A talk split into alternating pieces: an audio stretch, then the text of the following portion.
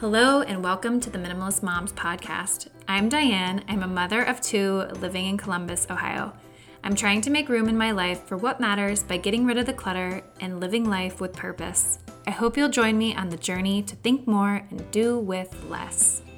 This week, I talked to fellow podcaster Renae Fieck. Renae is the host of The Charis Project. The show was designed to help women bring more space, grace, and intention into their lives. She provides a platform for honest conversations with practical strategies that can be implemented to create a life of intention. We discuss her creation of the Charis Project along with the topic of releasing guilt in motherhood. I personally believe guilt in motherhood comes from a variety of areas outside pressure versus internal pressure. Our conversation dives a bit deeper into how exactly to confront and conquer some of that noise. Before we get to the episode, I wanted to remind you that if you're enjoying this podcast, to head on over to iTunes to leave a rating and review. This will take you less than a minute. Leave a few words of why you're loving it, and I would so appreciate it. This helps other moms discover the podcast when it receives positive reviews from those of you who are listening each week. And one more thing before we dive into the show I'm conducting a listener survey. This, again, will take you less than a minute to fill out, but it'll help me discover who is listening and how I can create content to benefit you listeners. You can find the link at survey.libsyn.com slash minimalist moms podcast. I'll also include this in the show notes so that you can easily click that link. Again, it would be so helpful for you to fill this out, and I so appreciate you taking the time to do so. And now for the interview with Renae. Hi, Renae. How are you doing tonight? Good. Thanks so much. Thanks so much for joining us tonight. And I just gave listeners a brief overview of who you are and the Charis Project, but I'd like for you to go into a little bit more detail and just who you are, where you live, what it is that you do. Yeah, totally. Well, thanks so much for having me on. I'm super excited about this. So, yeah, I'm Renae. I am the mom of three. I have three kids, ages eight, five, and three, and we live in San Diego. I love it. We moved down here and we just can't get away from San Diego. It's been super awesome. So, between my life with them and kind of all of the things that being a mom entails, I also am a therapist, an occupational therapist, and work in the NICU. And then I spend a lot of time helping and mentoring other moms just kind of create the space in their life that they really want. Wow, you're juggling a lot of roles. I'm sure that can get very difficult from time to time. Yeah, I think that I'm what I would call a recovering multitasker. Okay. it's something that my whole life I've always juggled a lot of things. In college, I was the person that was working a full time job, taking above the workload of schoolwork. I was doing like volunteering at school. I was wanting to be involved. I, I mean, I was doing everything. And I feel like that's always kind of been the way my life has been, always. And it carried forward even into motherhood. Like I've always been this go getter, somebody that's taking all the things on.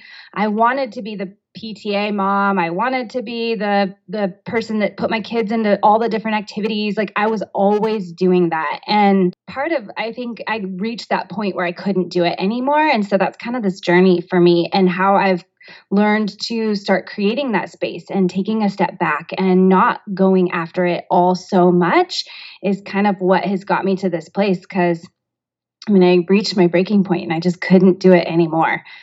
I can understand that. I think a lot of us getting to a breaking point or a pain point really can shift our focus and priorities. I know that that's somewhat how it happened for me. But that said, it helps me transition to my next question for you, and that would you consider yourself a minimalist? Okay, so I wouldn't necessarily say that I'm a minimalist, but I would definitely say that I have more minimalistic tendencies. And I've found that the more that I get rid of, the better I feel overall. And so I'm really helping, hoping to raise my kids with that as well, and knowing that it doesn't necessarily all of the stuff that they acquire or all the things that fill their calendar or the things that they're doing isn't necessarily what's going to bring them happiness, but that their happiness can be found inside and in other meaningful moments and less in just the stuff and the things we take on. So it sounds like it was somewhat after college that you made that shift to prioritize what was important. Is that what you would say? Yeah, so it was probably even later than that. And I would say that one of the biggest pivotal moments was it was about three to four years ago, roughly, um, my husband was playing basketball at work and had fallen and hit his head. And so he had called me and said, I'm thinking I need to go in and have a CT done and just make sure I don't have a bleed. And so I agreed. And a few hours later, we found out that he didn't have a bleed, thankfully, but that he had a brain tumor. I mean, we found out he had a brain tumor. I had recently gotten in, hired onto a new job, and then I found out I was pregnant, like all in the same like month or so. And so that year was probably uh, it was probably one of the hardest years we've gone through. Thankfully, his his tumor was non-cancerous, so it was a quick and easy removal. But then he developed seizures post the surgery, so he had sur- seizures um, every couple of months. And so, just that whole process of navigating a new job, a husband with seizures, and just the questions that you encounter when you have a brain tumor and you're wondering what's going to happen and what life is really meant for and what it's all about and what are we really here? Are we really living the life we want to be living? And then the practical pieces of then when my husband couldn't drive because he was having seizures i was the 100% caretaker. Mm-hmm. i was the one driving him back and forth to work every day. I was taking care of my kids. And i applaud any single parent out there or a parent that has you know a spouse in the military or anything like that because in those that month those couple of months i was doing everything in terms of going to the grocery store or taking the kids back and forth to school or anything because he he could not drive and so it was in that season and then that 6 months after we were in Hawaii on our 10 year anniversary trip. And at that point, he was driving. Everything was kind of back to normal. But I was in Hawaii feeling like this should be it. We're a year past the surgery. He's doing great. I have my three healthy kids. I'm happy. Everything in my life from the outside looks great. I should be so happy. But inside, I was so frustrated and I was so overwhelmed. And I just didn't want to I didn't want to do it anymore and I re- remember calling my best friend and I had gotten so frustrated with my husband and I got out of the car in the middle of Hawaii. I don't even know where we were at, but I can remember walking alongside the highway and calling my friend and saying, "I don't want to go back. I don't want to do this. Like, I don't, this is not the life that I signed up for. I think I might just stay here in Hawaii. My family can go home. I don't want to go home. This is not where I want to be. This is not what I want to do. And so it was that moment that I realized like something in my life has to shift. Like something has to, I have to live differently if I want my life to feel different. And I was not happy with where I was at. And so that was probably one of the big catalysts for my my stuff and becoming on this minimalist journey. And i remember leaving my dad here with my kids while i went on vacation and he had joked that he was going to throw some of my stuff away while i was gone. And i got so angry and i realized that i was holding so much onto my stuff thinking that those things were the things going to make my kids happy. Like my kids don't care if if i toss out a couple of extra toys they may notice it if in the moment they may be angry but in the end of it, like that's not what really makes them happy. What makes them happy is when I am there playing with them and I'm fully engaged and I'm not stressed out. And if the stuff is the thing that's going to do that for me, then it's got to go. That was a long roundabout way of kind of the, it's been this ongoing journey. And I don't think it was something if you had told me four years ago that it was the stuff in my life, even up maybe two years ago, if that it was this excess in my life that was what was making me so overwhelmed, I wouldn't have agreed with you. And it wasn't until we were kind of faced with more of that life or death, overwhelmed, like there's nothing left that I can physically do, that I realized like something had to go. Wow, I had no idea of the backstory of all of that. So, first of all, thank you so much for sharing all of that with listeners. And I can't imagine having all that on my plate at once. And I can see how it would really bring to mind what is important to us. I know you've channeled a lot of those thoughts and creativity into creating the podcast, The Charis Project. So, can you tell me a little bit more about how that came about after this huge life shift?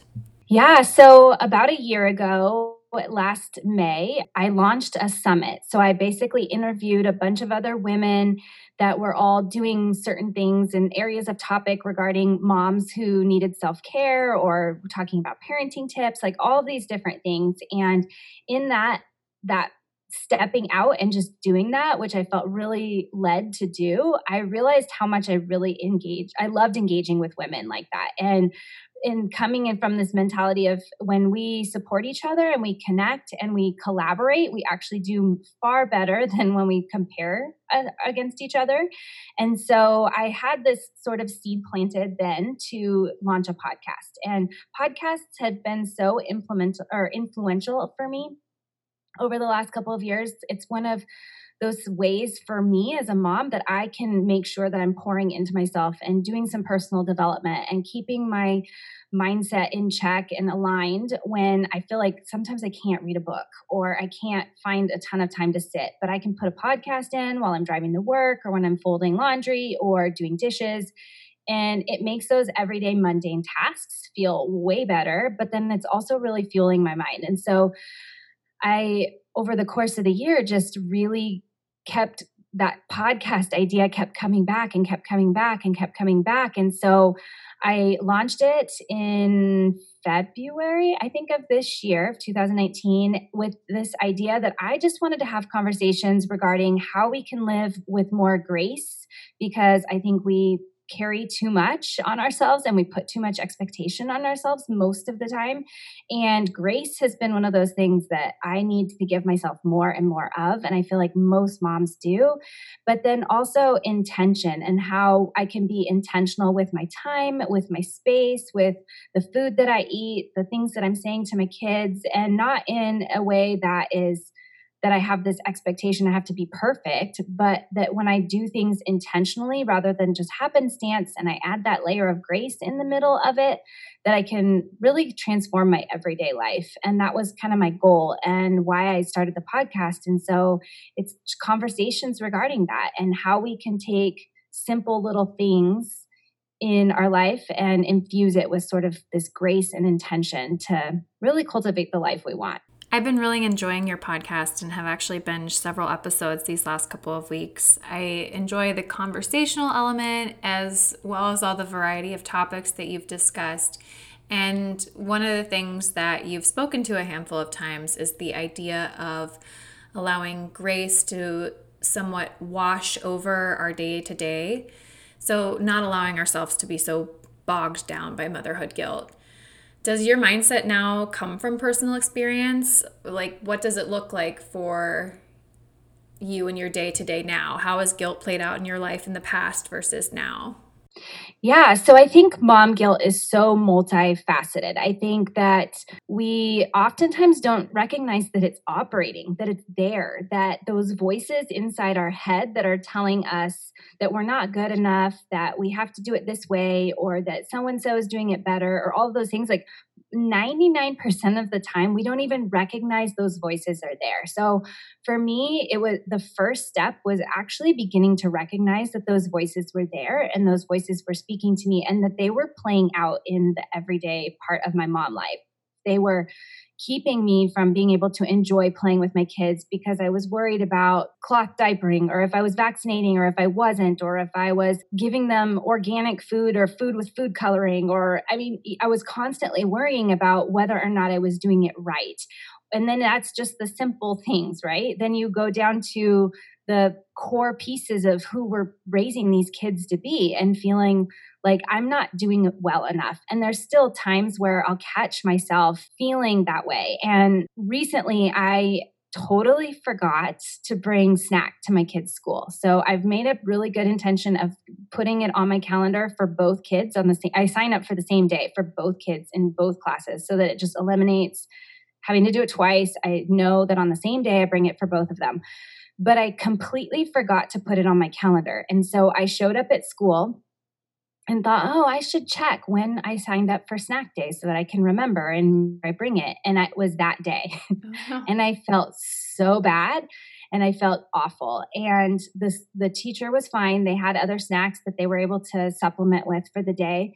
But the whole way home, I felt that guilt wash over of gosh, I'm the mom that's trying to multitask, being a mom, working, building my own podcast and stuff that I am on on my own and still taking care of my husband and our family and our house and all these things and I, how I could I forget. That just means I'm a horrible mom. I'm not doing a good enough job. And like I, I caught myself going into this spiral of how forgetting to bring snack meant that I was the worst mom ever, you know, and how we, if we don't catch ourselves or we don't even hear those voices or recognize those voices are talking, I think it really takes us down into this shame. And then we start to compare ourselves to other people. And I really think that that's a huge underlying part of it, too, is if you find yourself judging other moms or comparing yourself to other moms, that's that guilt kind of rearing its ugly head and exposing that. So if I ever catch myself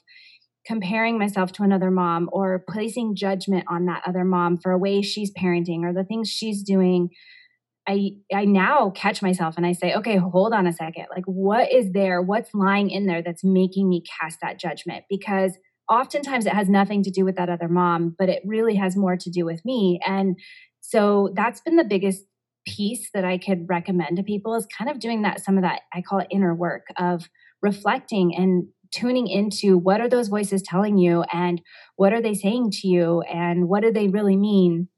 And then when that's the first step is kind of exposing them and understanding them. And then then after that the next layer would then be to start combating it with truth. Because if you can start saying, okay, well, yeah, I forgot the snack today, but I remembered all of the other ways I showed up for my kids this week. Or I was able to read them a book last night and spend that quality time. Or to be totally honest, the reason I forgot snack was because I left my phone in the car so that I could be completely present with them when I was walking into class. To me, that's a better mom than somebody that forgets their snack. And so you kind of start to to take those those lies and those those guilt thoughts those shame thoughts that are kind of come up and you expose them and then give them something that you like fight against it with these truths. And you say no you know maybe today i did forget. But that one time that doesn't define who i am as a person overall. It doesn't define my motherhood. It doesn't define doesn't define any of that. It's just a simple mistake. And so I know that forgetting the snack is just one piece and one layer of where mom guilt plays in. But I think that these thoughts are persistent and they keep coming back. And I don't know that we ever get rid of mom guilt altogether. I don't think that it ever stops coming up. But I think that when we know that it's there and we can use these tools to kind of combat it, it's it doesn't have its impact that it would, where we start to sulk into and like you said, I feel like for a long time I was multitasking all of the different things because I felt like that is what defined me. And if I was doing it all, that kind of made me who I am. And even to this day, I'm still a recovering multitasker because that was so part of who I was. And that all of these other things, these all these other accolades, all these other things that I was doing, that would make me a better person. And it's taken a lot of work and reflecting back and saying that it doesn't matter what any of those other titles or labels or things that I put on my to do list, none of that actually matters and defines the worth that I am. Like I am worthy in and of myself without any of those things. So I don't need to carry any of that or that shame on me to make it so that I feel okay with who I am. So I really think that's what it is is kind of exposing it and then giving some truth and giving yourself some statements even of like things that you could come back and combat those lies with really quickly. I think for some people, it is more difficult to practice the mentality of cutting out the guilt when it stems from people that are closer to us.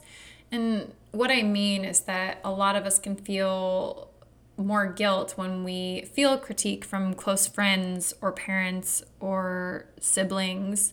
So, how would you say we can continue to practice a more grace based approach when it comes to the closer relationships in our lives?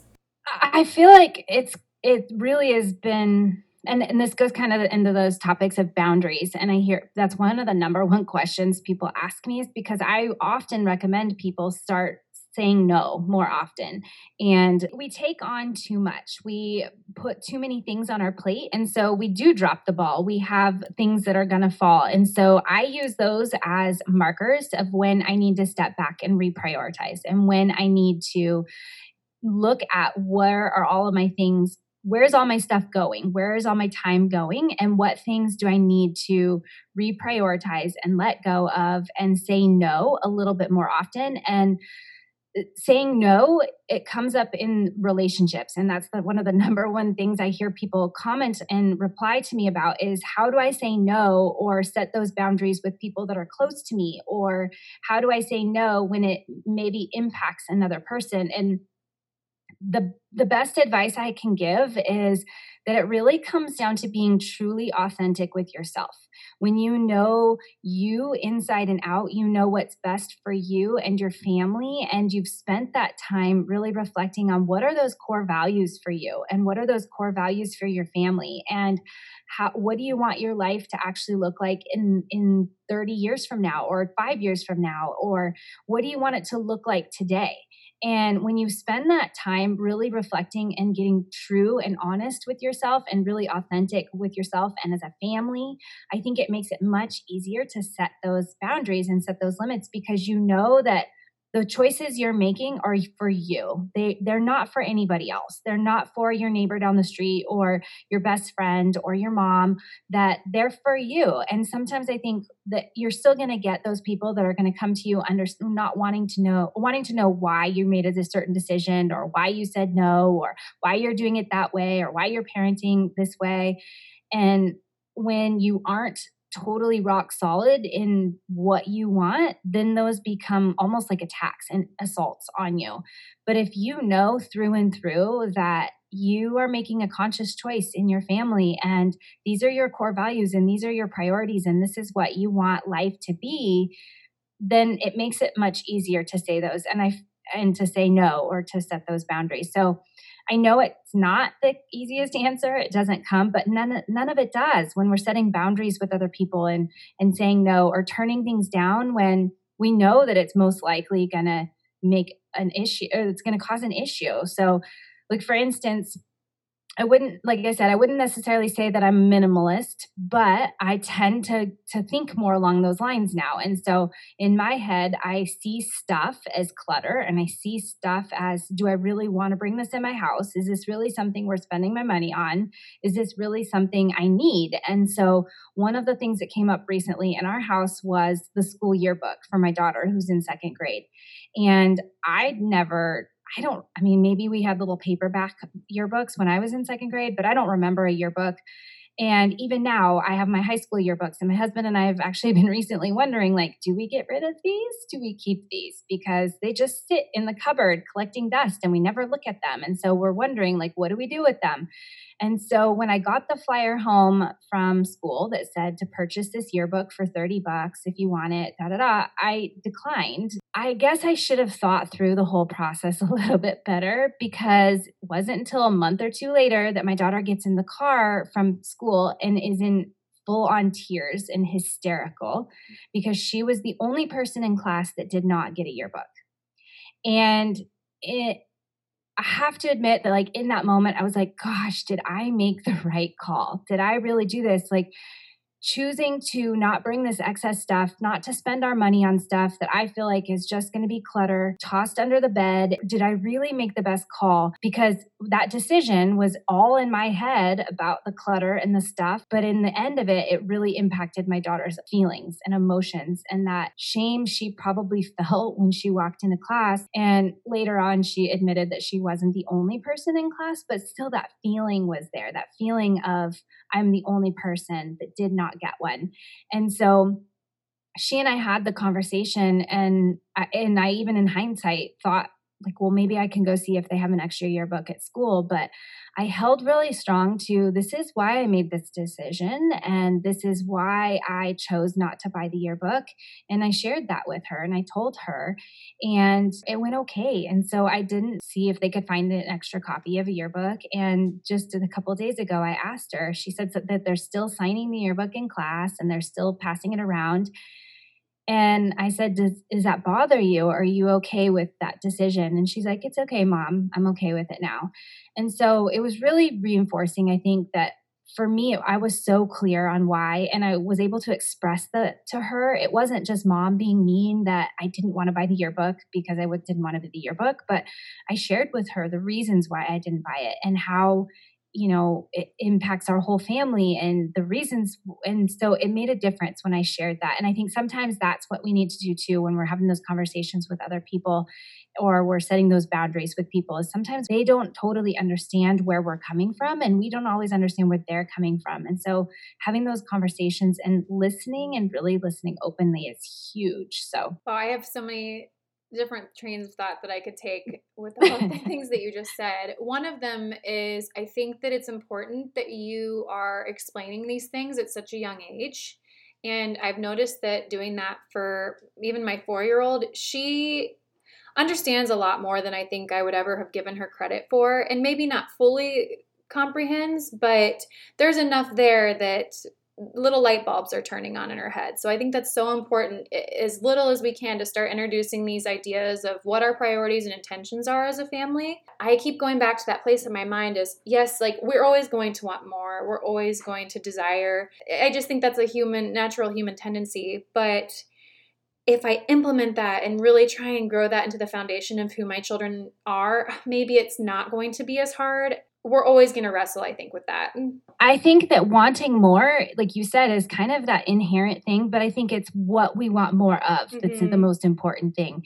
Because I I want my kids to always want more joy and always want more happiness and more love and more peace and more connection and more friends and I, I want them to always not necessarily not be content with that, but I don't want them to ever feel that they don't deserve more, that there's not enough out there. Like, I want them to know that there's more opportunity available to them than than you can ever imagine. And so I think you're right in that sense of like, what is the more that we're attaching it to? Is it the stuff? And so for this instance with my daughter with the yearbook, I probably made a not so great comparison, but I asked her, I said, you know, we went on a cruise this year as a family. And I said, was there anybody else in your class that went on a cruise?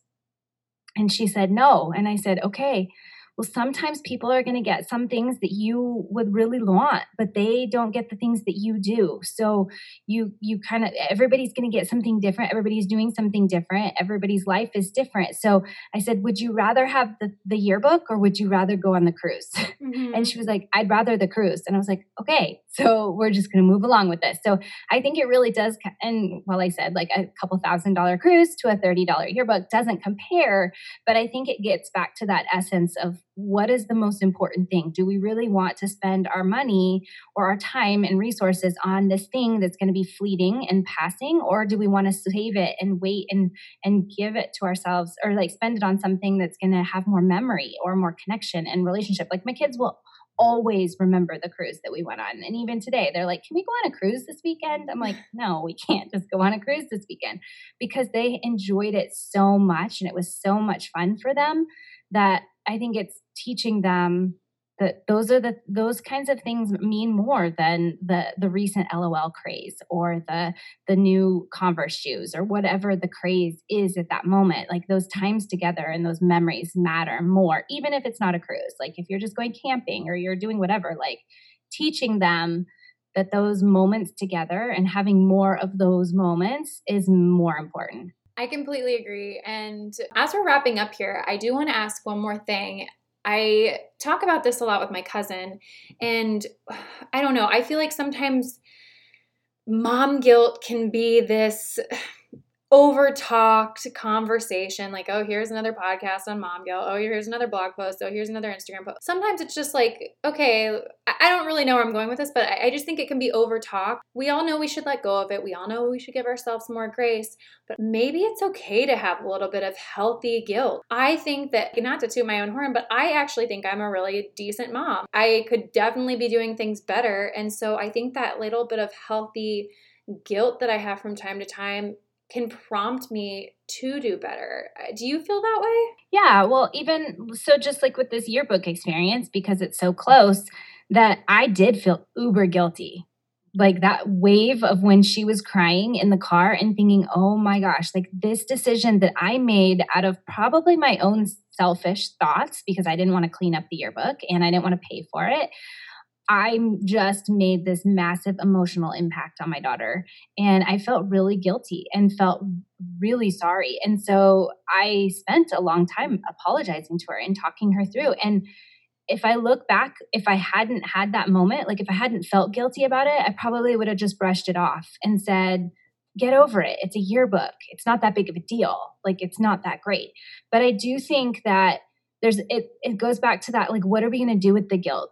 When we see it and we know it's there and we're ex- we expose it where are we allowing that to take us? Are we allowing that to take us into this spiral of feeling like we're an awful horrible mom or that we're doing awful? And then we then start to think about that. And i'm a firm believer in the things that we think about is that which becomes. And so if you're sitting there thinking that you're a horrible mom and you can't get it together and you're always forgetting and you're not worth worth it and your kids are awful that becomes your reality but if you can spin it and say, well, no, like it's okay. Like I, I messed up. I, I made a decision. I didn't buy the yearbook. I hurt my daughter's feelings, but that doesn't define me as a mom. And I actually came, we connected in a much mm-hmm. stronger way. And she got to see me in a vulnerable and real and heartbroken spot, just as I got to see her in that spot too. So I think that the guilt itself isn't the inherently bad part. I think it's what we choose to do with it and what we allow it to do versus how we let it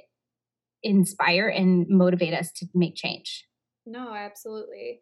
Yeah. And I think personally, anyone that is listening that is pursuing podcasts such as mine or yours or books, any type of resource in pursuit of becoming a better mom or just having any more wisdom or insight spoken into their lives, I would pretty much be willing to guess that you're a great mom and you have that desire and that care. And so I guess this is just my encouragement to anyone listening that you're doing a great job and any little area of guilt that you have, yeah, maybe that's something that you need to pursue and to maybe put more in the forefront of your mind. I know for me, it's more quality time with Charlotte. I really need to get better about when Martin's napping, playing with her, even if it's just for 20 minutes playing Candyland. Like, I know that that matters so much to her.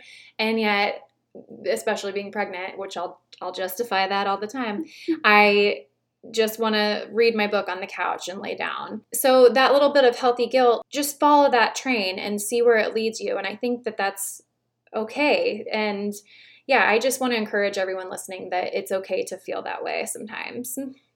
Yeah. So. And I feel like sometimes it's so easy to be like, gosh, I wish I could spend more quality time with my kids, but that we never actually acknowledge the ways we are and the things we are doing. And like you talked about tooting your own horn, but I don't know. I feel like we undervalue what we do do in a day. We under appreciate what we where we are doing it well. And so something I've recommended to some of my clients and what I try to do for myself is having a weekly every Sunday night I write in my journal something that I did well that week something, whether it be business related, work related, home related, kid related, whatever. I, I reflect on the week and say, where did I show up and do really awesome this week? Because I feel like we don't do that enough. We start to pinpoint all of those places we forgot the snack, we didn't give quality time, or we we didn't show up, or we we highlight those. And that's not what we want to highlight. We want to highlight those places we are doing really well because then we start to see them more. Like they start to it's kind of that analogy of when you're looking to buy a new car and